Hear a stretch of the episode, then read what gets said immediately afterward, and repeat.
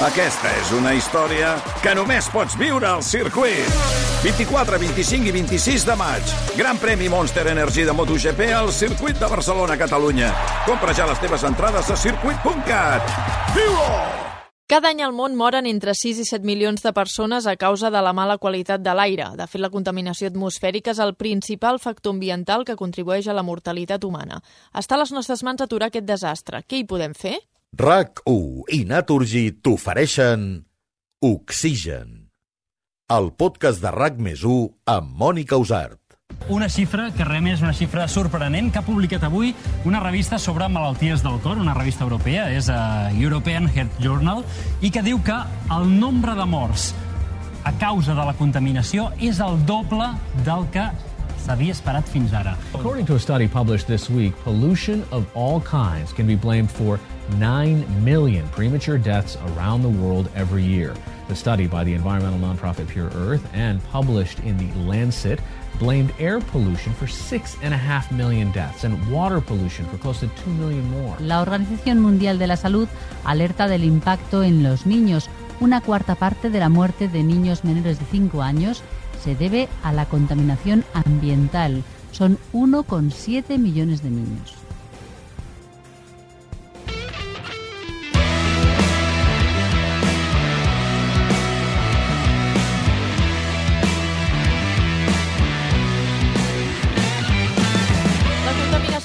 Planeta ens afecta a tots, siguem d'on siguem, ens arriba de manera directa o indirecta. Embrutem l'aire que respirem i això només té repercussions negatives per nosaltres mateixos i per tot l'ecosistema que ens envolta. Avui parlarem dels tipus de contaminació que hi ha, de quines són les fonts emissores i de què podem fer de cara al futur per millorar la qualitat de l'aire que respirem. I també farem un repàs dels països més i menys contaminats del món. Comencem.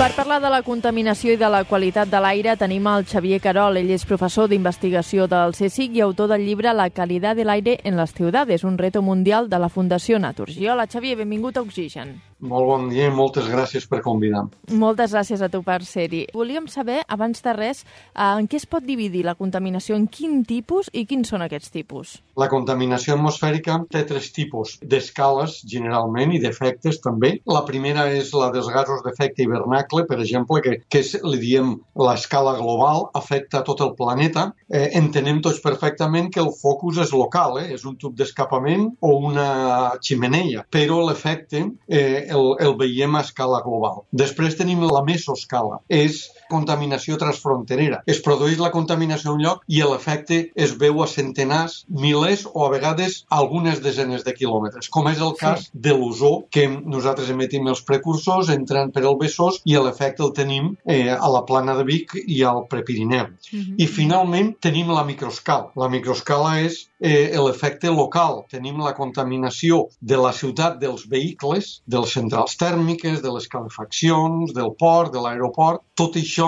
barrejat aquí dona uns nivells de contaminació que tenen efecte ja al mateix lloc on s'emet, i a això li diem la microescala. Doncs mira, precisament amb tu volem parlar de la contaminació a nivell de microescala, de totes aquestes fonts contaminants que estaves comentant. Quin és el contaminant més important que surt d'aquestes fonts? Tenim eh, quatre contaminants crítics a Catalunya que superen eh, la legislació, els nivells que estan permesos a la legislació. Tenim, en primer lloc, les partícules en suspensió.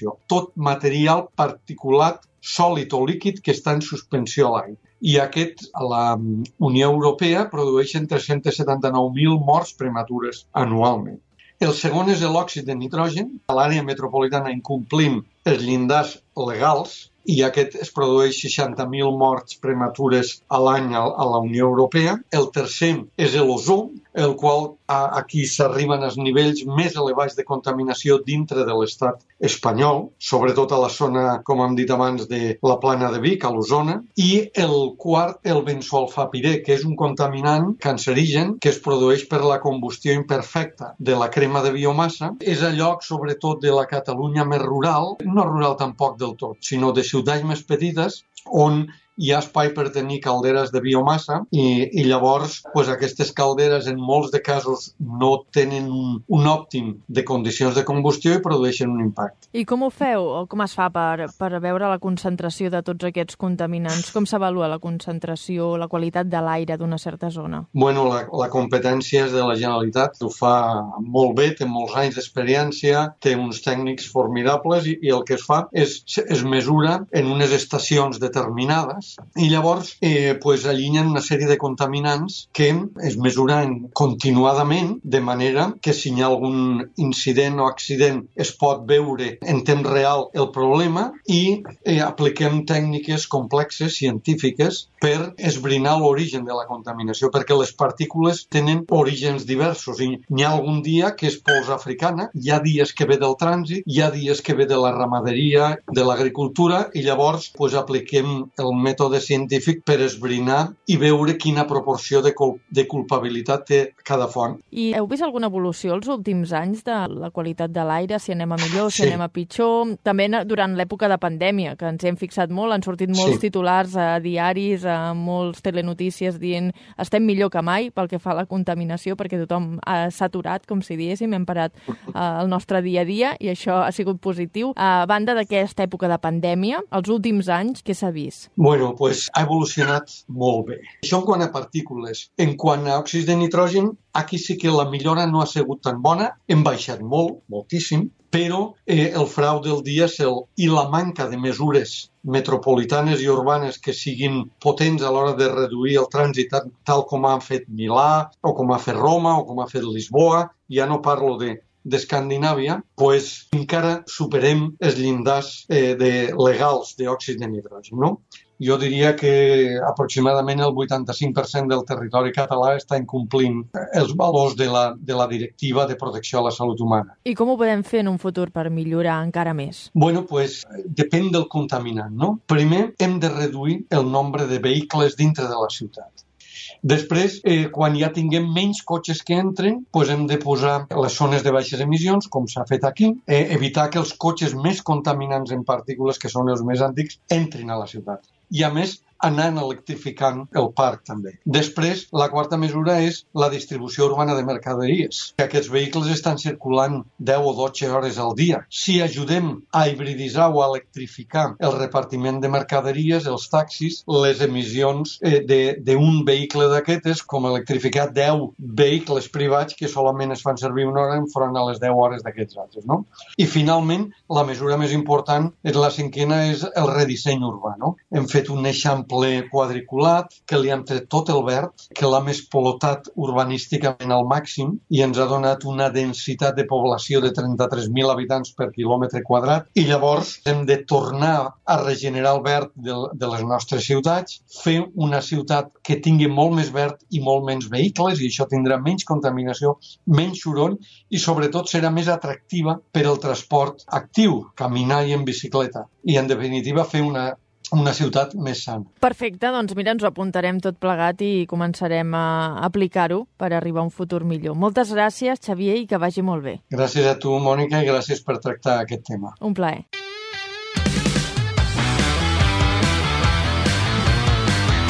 Òbviament, els llocs del món més remots i o deshabitats tenen una qualitat de l'aire més bona que no pas les zones poblades com les grans ciutats. Avui no us enviarem en lloc de viatge, però sí que farem un rànquing per veure quines són les zones del món més contaminades i les més netes. Cada any surten llistes diferents i, de fet, en un mateix any, segons les dades que s'agafin, la classificació pot ser lleugerament diferent, però és cert que si fa o no fa els països amb l'aire més net o més brut acostumen a coincidir un any darrere l'altre. En el cas d'avui ens basarem en el rànquing fet per Smart Air Filters i començarem Començarem per les ciutats més contaminades del món. Després d'analitzar l'aire de 540 ciutats importants, el resultat va ser aquest. En la cinquena posició hi tenim Muzaffarnagar, a l'Índia.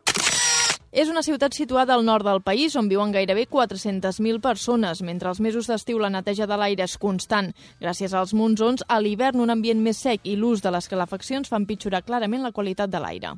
En el quart lloc se situa Lucknow, també a l'Índia.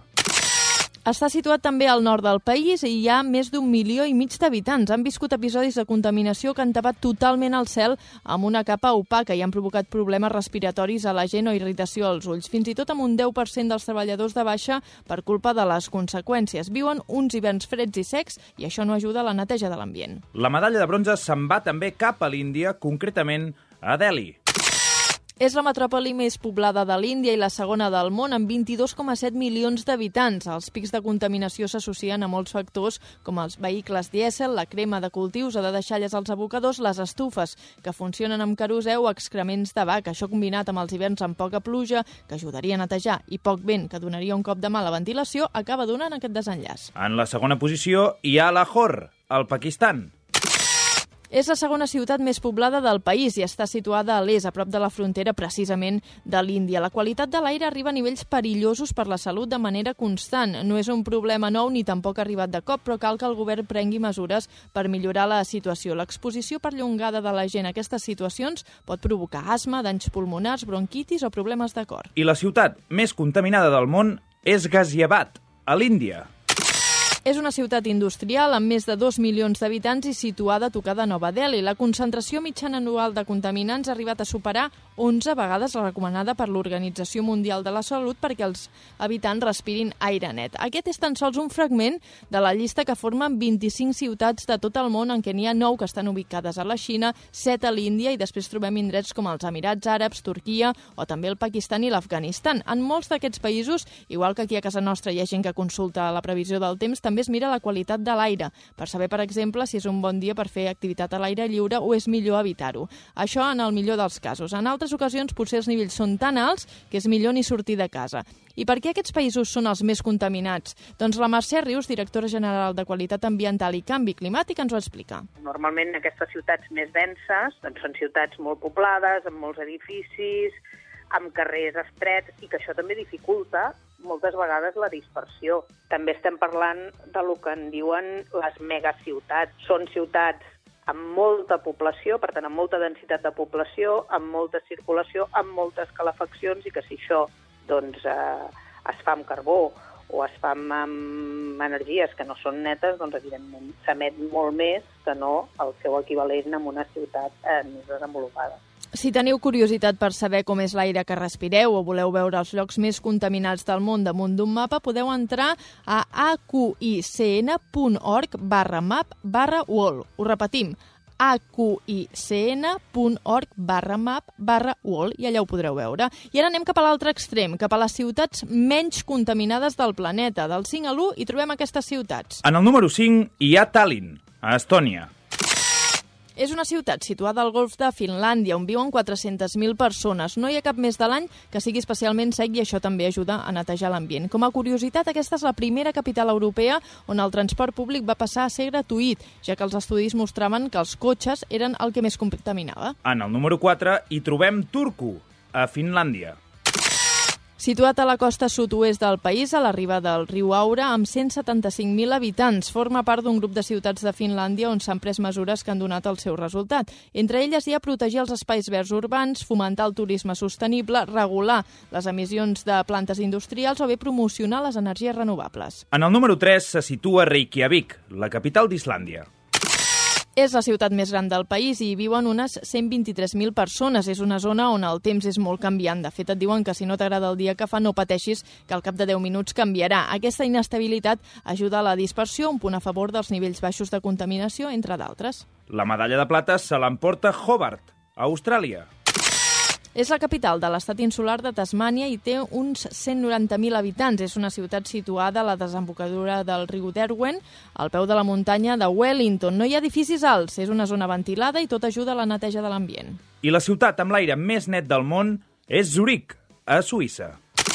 No és la primera vegada que aquesta ciutat de més de 430.000 habitants se situa al capdavant dels llocs més nets del món. L'electrificació dels vehicles és un dels punts claus. Fan que els nivells de contaminació siguin més baixos i els acústics també. Si us hi fixeu, els països nòrdics són els que surten més ben parats, tot i tenir una bona qualitat de l'aire, per això hi ha moments de l'any en què se sobrepassen els límits recomanats per l'OMS. I això és una mostra clara de la gravetat de la contaminació de l'aire a tot el món. I per què aquests països són els que tenen un aire més net? La Mercè Rius ens ho aclareix. A veure, d'entrada perquè segurament són ciutats menys denses, que utilitzen també eh, energies més netes, són extensions més àmplies, les cases són més baixes i per tant també la circulació de l'aire s'afavoreix més i també no hi ha tantes emissions tan concentrades, però des del punt de vista climàtic també estan molt afavorides perquè tenen més vent, ventilen millor, plou molt, i per tant també tot això ajuda a, a tenir una qualitat de l'aire millor. Oxigen, amb Mònica Usart.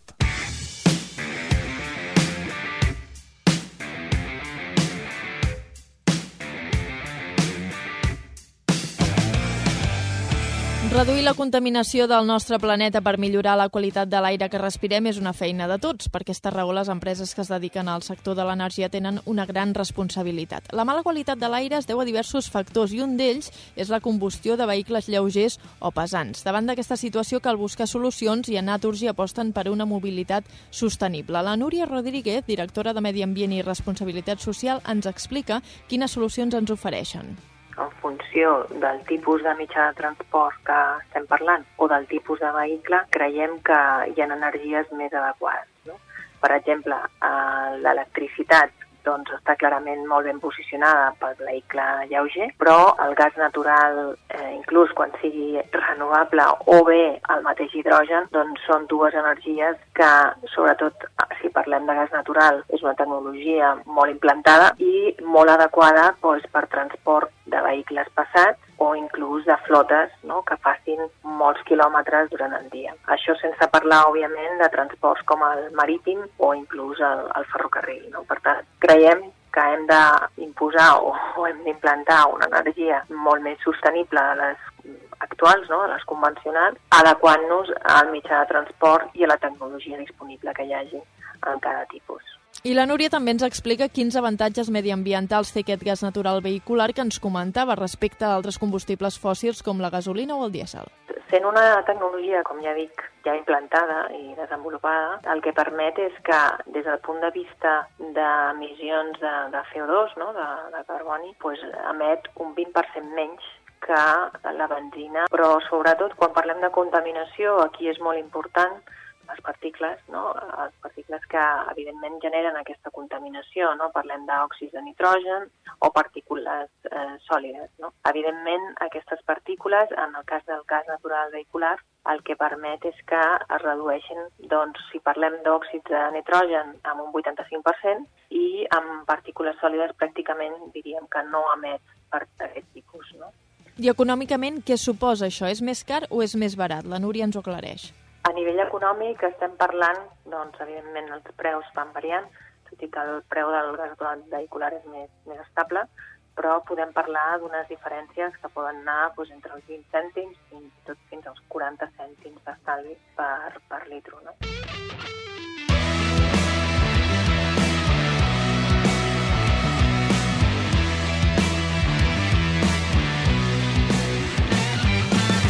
En l'episodi d'avui només hem fet una pinzellada de la contaminació de l'aire. Hem vist com nosaltres mateixos embrutem l'aire que ens envolta, un aire que ens torna a entrar al cos i que només ens perjudica. Per aquesta raó cal anar fent passos endavant tant en l'àmbit particular com global, amb l'objectiu de viure en un entorn cada cop més net. Una vegada més, la solució és a les nostres mans. RAC1 i Naturgy t'han ofert Oxigen, el podcast de RAC més amb Mònica Usart.